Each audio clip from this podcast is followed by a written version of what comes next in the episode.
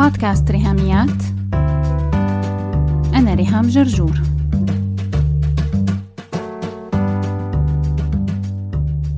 مرحبا. افتتحنا الموسم الرابع من بودكاست ريهاميات بالحلقة الماضية واليوم رح نبتدي أول موضوعاتنا بهذا الموسم والموضوع هو التركيز Focus and Concentration. قسمت الموضوع لثلاث أجزاء بحلقة اليوم. رح نتعرف على معنى التركيز وأنواعه وشو هي بعض الأمور يلي بتخلينا فريسة للتشتيت.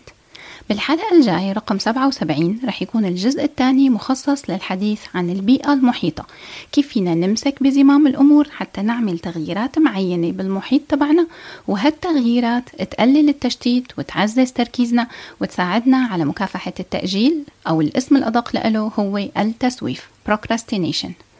بالجزء الثالث والأخير على حلقة 78 إن شاء الله رح نحكي عن Focus Enhancing Tools and Habits. شو هي العادات والأدوات يلي بتخليني أرفع وقت العمل حتى يكون مجدي للماكسيموم؟ فحقق أقصى جدوى من وقتي ومن شغلي.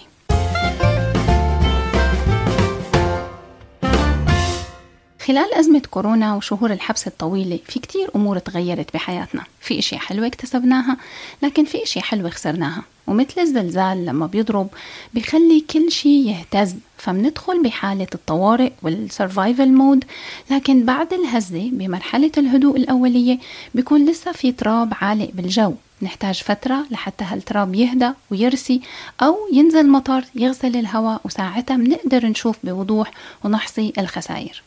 ما بعرف كيف الوضع بالبلد يلي انت عايشة فيه أو المدينة اللي انت فيها ولو الحياة رجعت لطبيعتها ولا لسه لو في إجراءات مكملة والأزمة ما انتهت تماما. لكن أنا شخصيا لساتني الحقيقة بهالمرحلة تبع الفوقان والنهوض.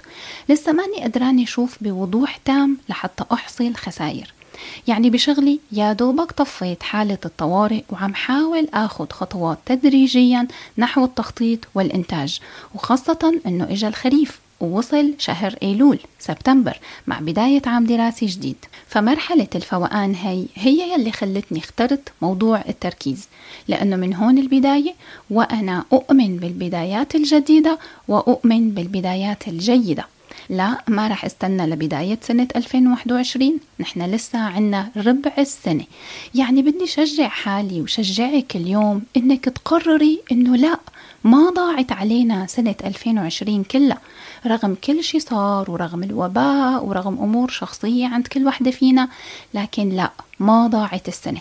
لهيك تعالوا ناخد نفس عميق ونشجع بعض ونساعد بعض إننا ننهض من المحنة ونفتتح العام الدراسي 2020-2021 ونخلي شهر أيلول سبتمبر هو وقت تخطيط وقرارات لبدايات جديدة.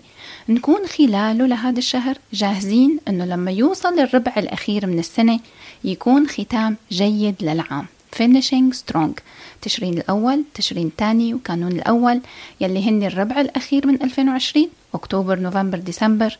تعالوا سوا نحاول خلال هذا الشهر ننقذ ما يمكن إنقاذه ونتذكر يلي قاله جيم رون If you really want to do something you'll find a way. If you don't you'll find an excuse.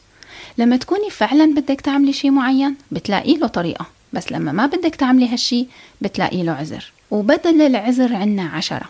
فعلا نحن سنة 2020 عنا بدل العذر عشرة ومية وألف عذر. إنه وباء عالمي فيروس كورونا كوفيد 19 شو بدكن أكتر من هيك أعذار؟ وأكيد حوالينا الدنيا مليانة ناس استسلموا خلاص ورفعوا الراية البيضة وقاعدين مرتاحين relaxed هني وأعذارهم يلي جمعوها بكل حرص وعم يتونسوا فيها. هون الصعوبة. إنك كل ما بصيتي حواليكي تلاقي الناس يأسانة وهني معذورين. هالسنة استثنائية وعنا جائحة عالمية وكل هالحكي. لكن أنت من جواكي رافضة تستسلمي. يعني بدك ترجعي بعد الكسرة تقومي. وتوقفي على رجليكي وتشتغلي. بس مو عرفانة كيف ولا عرفانة من وين تبدأي ولا قادرة تركزي أصلا لحتى تبدأي. لهيك أنا جاي أقولك إني معك وإنك أنت بالمكان الصح وعم تسمعي البودكاست الصح والحلقة الصح. يلا بينا سوا إيد بإيد نشجع بعض ونقرر نقوم ونشوف كيف فينا ننقذ ما يمكن إنقاذه. وأول شي محتاجينه هو التركيز. أول أداة محتاجينها هي focus and concentration. لكن للأسف اتبخر مننا التركيز. لهيك نحن ولا عرفانين نركز ولا عرفانين نقوم من كسرتنا ولا عرفانين نرفض الاستسلام. مغري جدا أن نقعد جنب كل الناس اللي حوالينا اللي مستسلمين ومعذورين. فبكل بساطة ننضم إلى صفوف المستسلمين والمعذورين. يا لهوي لكن لا نقطة البداية هون. نقطة البداية هي التركيز. وهذا اللي خلاني اشتريت الكتب والمراجع لحتى أحضر لهذا الموضوع ونتناوله بشكل كافي ووافي من خلال ثلاث أجزاء. ويلا بينا نبتدي الجزء الأول. شكرا كتير لكل الصديقات يلي خلال هالسنتين الماضيين كانوا عم يدعموا بودكاست ريهاميات بطرق وأشكال مختلفة. لهيك خصصت هالفاصل حتى أخبركن عن نادي تاء لصديقات البودكاست على موقع Patreon قليلين من الناس يلي بيعرفوا تفاصيل العبء المادي والالتزامات الشهرية للبودكاست. ابتداء من Buzzsprout الموقع المستضيف للبودكاست. اشتراكه الشهري 12 دولار حتى تضل الحلقات متاحة لك للاستماع بأي وقت ومجانا تماما ومن أي application بتختاريه موقع Audible للكتب الصوتية اشتراكه 15 دولار شهريا ومنه بشتري أغلب كتب شلفي ومراجع الموضوعات للحلقات. باقي الكتب؟ بشتريها من موقع Kindle للكتب الرقمية وكمان بدفع أقساط ال domain لحتى حافظ على موقع ريهاميات dot com.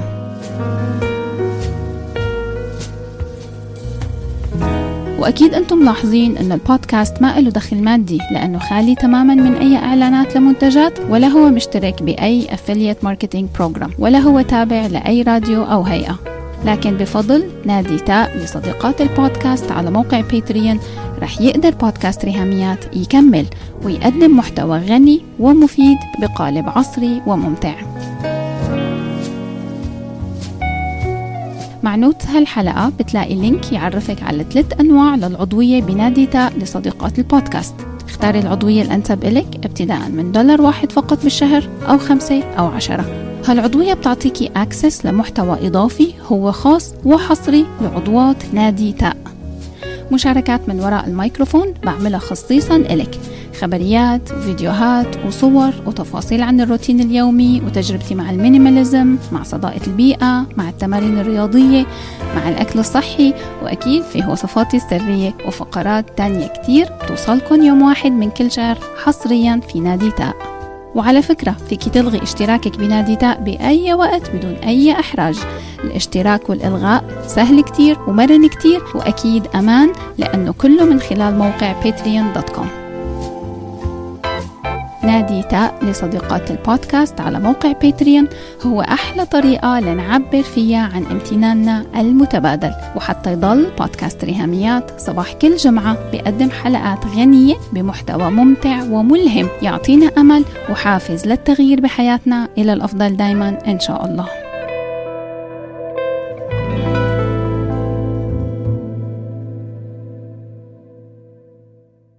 في منطق بيقول تعرف الأشياء بعكسها. لو طبقنا هذا المنطق على التركيز معناتها شو هو عكس التركيز؟ بالضبط عكس التركيز هو التشتيت.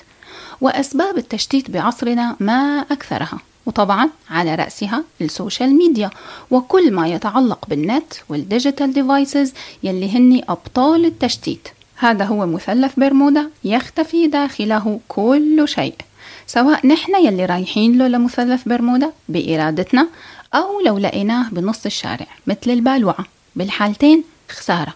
بالحالتين هدر للوقت إلى غير رجعة. المشكلة بال social media والإنترنت وال digital devices وال gaming مو بس نحن وقاعدين عليها لأنه التشتيت وهدر الوقت بيحصل أثناء استخدامنا لل social media وأثناء ال gaming لكن كمان نحن وبعاد عنا. ليش؟ لأنه هي الآفة عملت تفتيت بدماغنا. خلص صارت عقولنا عبارة عن حبات رمل ما فينا نبني عليها شيء. ما حدا بيجي وبيبني بناية على رمل الشط. لا لازم يكون عنده أرض صلبة وصخر يحفر فيه لحتى يكون المبنى ثابت. تركيز إيه اللي أنت جاي تقول عليه؟ نحن ودماغنا حبات رمل. إذا كورونا وباء فهاد كمان وباء تاني. التشتيت ونقص التركيز آفة متفشية.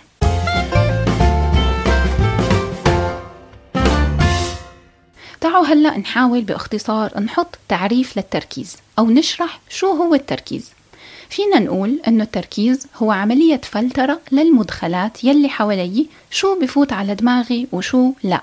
يعني أني كثف انتباهي على أمر واحد وطنش كل شيء تاني.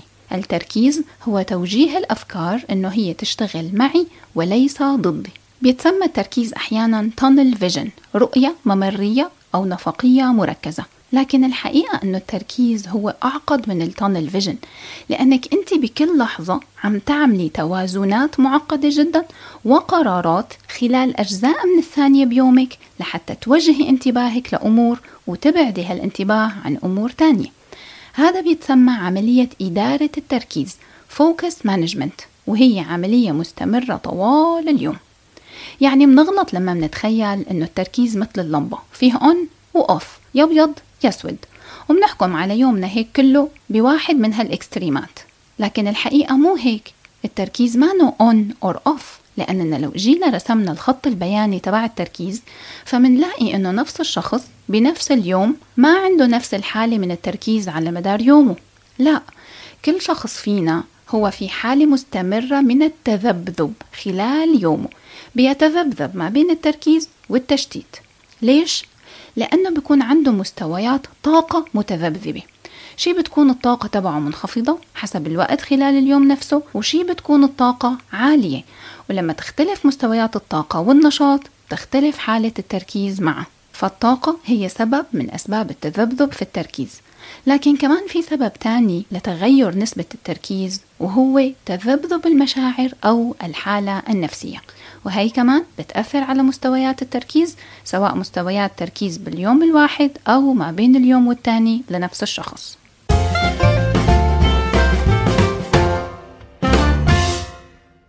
لازم بهالمرحلة نبهك لنقطة كتير مهمة إننا قد ما حكينا عن التركيز وحطينا له تعريف وأدوات وخطوات وتدريبات فما في شي رح يتغير بحياتك بدون ثلاث أمور قرار تحرك التزام. لو أنا حابة أحسن التركيز عندي ما رح نام وفيق لاقي جنب راسي على مخدة magic potion هيك بقنينة صغيرة أبلع نقطة من الوصفة السحرية وبوم فجأة اكتسب تركيز. لا. لازم من الأول كون فهماني كتير منيح إني محتاجة واحد إني قرر اثنين إني أتحرك ثلاثة إني ألتزم. النتائج مضمونة إن شاء الله لكن يلي بيضمن لي إياها هو هالثلاثية يلي هي مسؤوليتك أنت وفقط أنت ومسؤوليتي أنا وفقط أنا. ما بدي أرمي اللوم على أي حدا تاني ولا المسؤولية على أي حدا تاني. النتائج مضمونة إن شاء الله واللي بيضمنها هو هالثلاثية قرار وتحرك والتزام. وفيك تضيفي عليهم كمان شوية هدايا تحفيزية. لو قلنا مثلا إني عم بعمل رجيم فأنا عندي ميزان بوقف عليه لحتى قيم النتائج أو قديش أنجزت يعني قديش خسرت وزن. لكن للأسف ما في عنا تركيزوميتر. فيني أشتريها على أمازون dot com أو سوق dot com ما بعرف شو اسمه أشهر موقع لل online shopping بالبلد اللي انت عايشة فيه. فمع غياب اختراع التركيزوميتر بحتاج أنا خلال عملية التدرب على التركيز انه يكون عندي متابعة دائمة. ونقطة المتابعة مهمة لناحيتين. لو لقيت عندي تخاذل لازم لاحظ بكير. تعالوا نرجع لتشبيه الميزان إني لو لقيت حالي زايدة كم كيلو بدل ما أنقص يبقى أنا محتاجة to go back on track بالرجيم تبعي. ومو بس تابع التخاذل لكن كمان الإنجاز إني شجع حالي وكافئ حالي على المجهود يلي عم أبذله بالقرار والتحرك والالتزام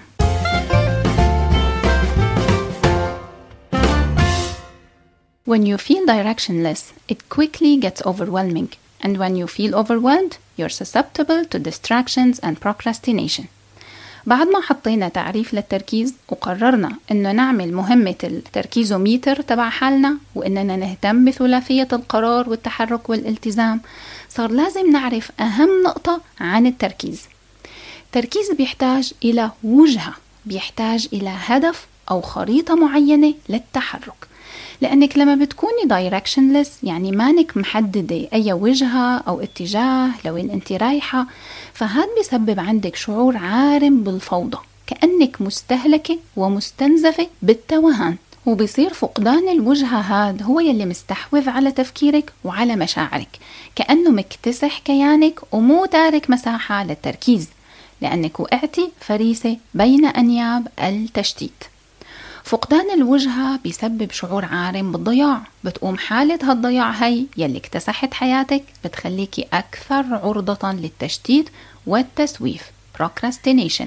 مهما حاولتي تركزي. لهيك حددي لحالك هدف قد ما كان بسيط وانطلقي منه. يمكن انت already عندك هدف. يمكن مذاكرة دراسة يمكن شغل. فبهيك انت مانك directionless. وبالتالي مانك overwhelmed. فانتبهي لهالنقطة إنه لو ما كان عندك هدف حطي لحالك هدف. انت تختاريه مشان تستثمري فيه تركيزك يلي رح تتدربي عليه.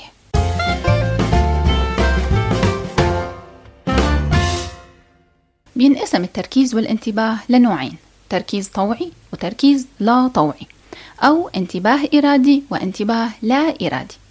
الانتباه الإرادي هو يلي بتستخدميه لما تكوني ناوية إراديا وعن كامل وعيك إنك تركزي على شيء معين. يعني مثلا لو كنتي بغرفة وفي حدا عم يتفرج على التلفزيون وانت عم تحاولي تقري كتاب يمكن تلاقي صعوبة إنك تركزي على يلي عم تقريه. فلازم طواعية وعن سابق الإصرار والترصد إنك تركزي على الكتاب وتعملي بلوك أوت لكل الضجة التانية. بالانتباه الإرادي أنت المتحكمة. وأنت يلي بتقرري يعني بإيدك القرار شو يلي راح يحصل على انتباهك وشو لا.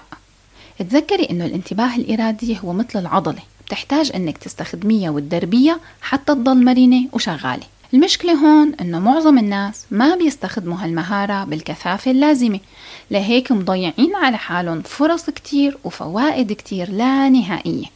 لكن الإيجابية هي إنه فيك تقوي القدرة على الانتباه الإرادي بإنك تستخدميها أكتر وأكتر لهالمهارة أو هالعضلة وشوي شوي تدريجيا بتصيري بتتعلمي كيف تتجاوزي التشتيت وتطوري قدرة أفضل على التركيز عند اللزوم. لكن لازم تبذلي مجهود بهالتمرين لحتى تحققي مرادك. لهيك أنا دايما بذكر حالي إنه الأهداف كل الأهداف بما فيها تعلم التركيز والتدرب على التركيز هي أهداف بتحتاج وقت ومجهود وطاقة لحتى تتحقق. لكن الأمر بيستاهل أكيد it's worth it.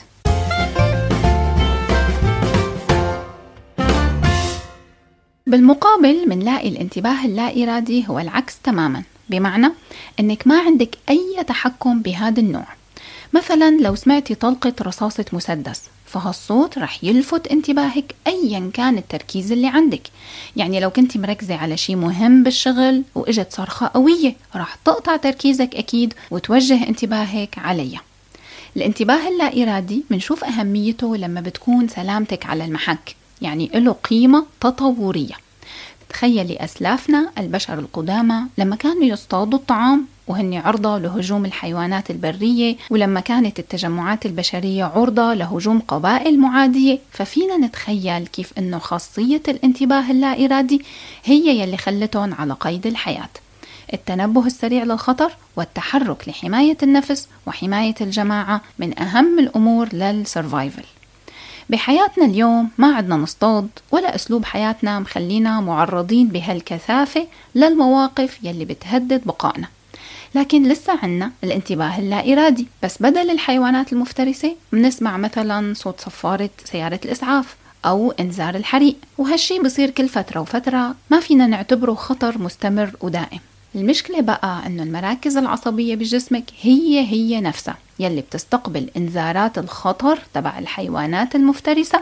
وهي هي نفسها يلي بتستقبل رنة الموبايل. فيلي عم يصير جوا جهازك العصبي إنه كل ما وصلتك notification كل ما رن موبايلك ولو حاططيه silent كل ما هز وعمل صوت الاهتزاز جسمك بيستقبل هالتنبيه بصورة لا إرادية وبيسجله على أنه هو خطر بيهدد حياتك. قد ما قلتي لحالك إنه انت بعقلك الواعي عم تقولي يي الموبايل ما مهم. وهي مجرد نوتيفيكيشنات تبع لايكات فيسبوك وتبع قصص على انستغرام وهيك أمور. لا لا هي ما مهمة ولا بتهدد حياتي.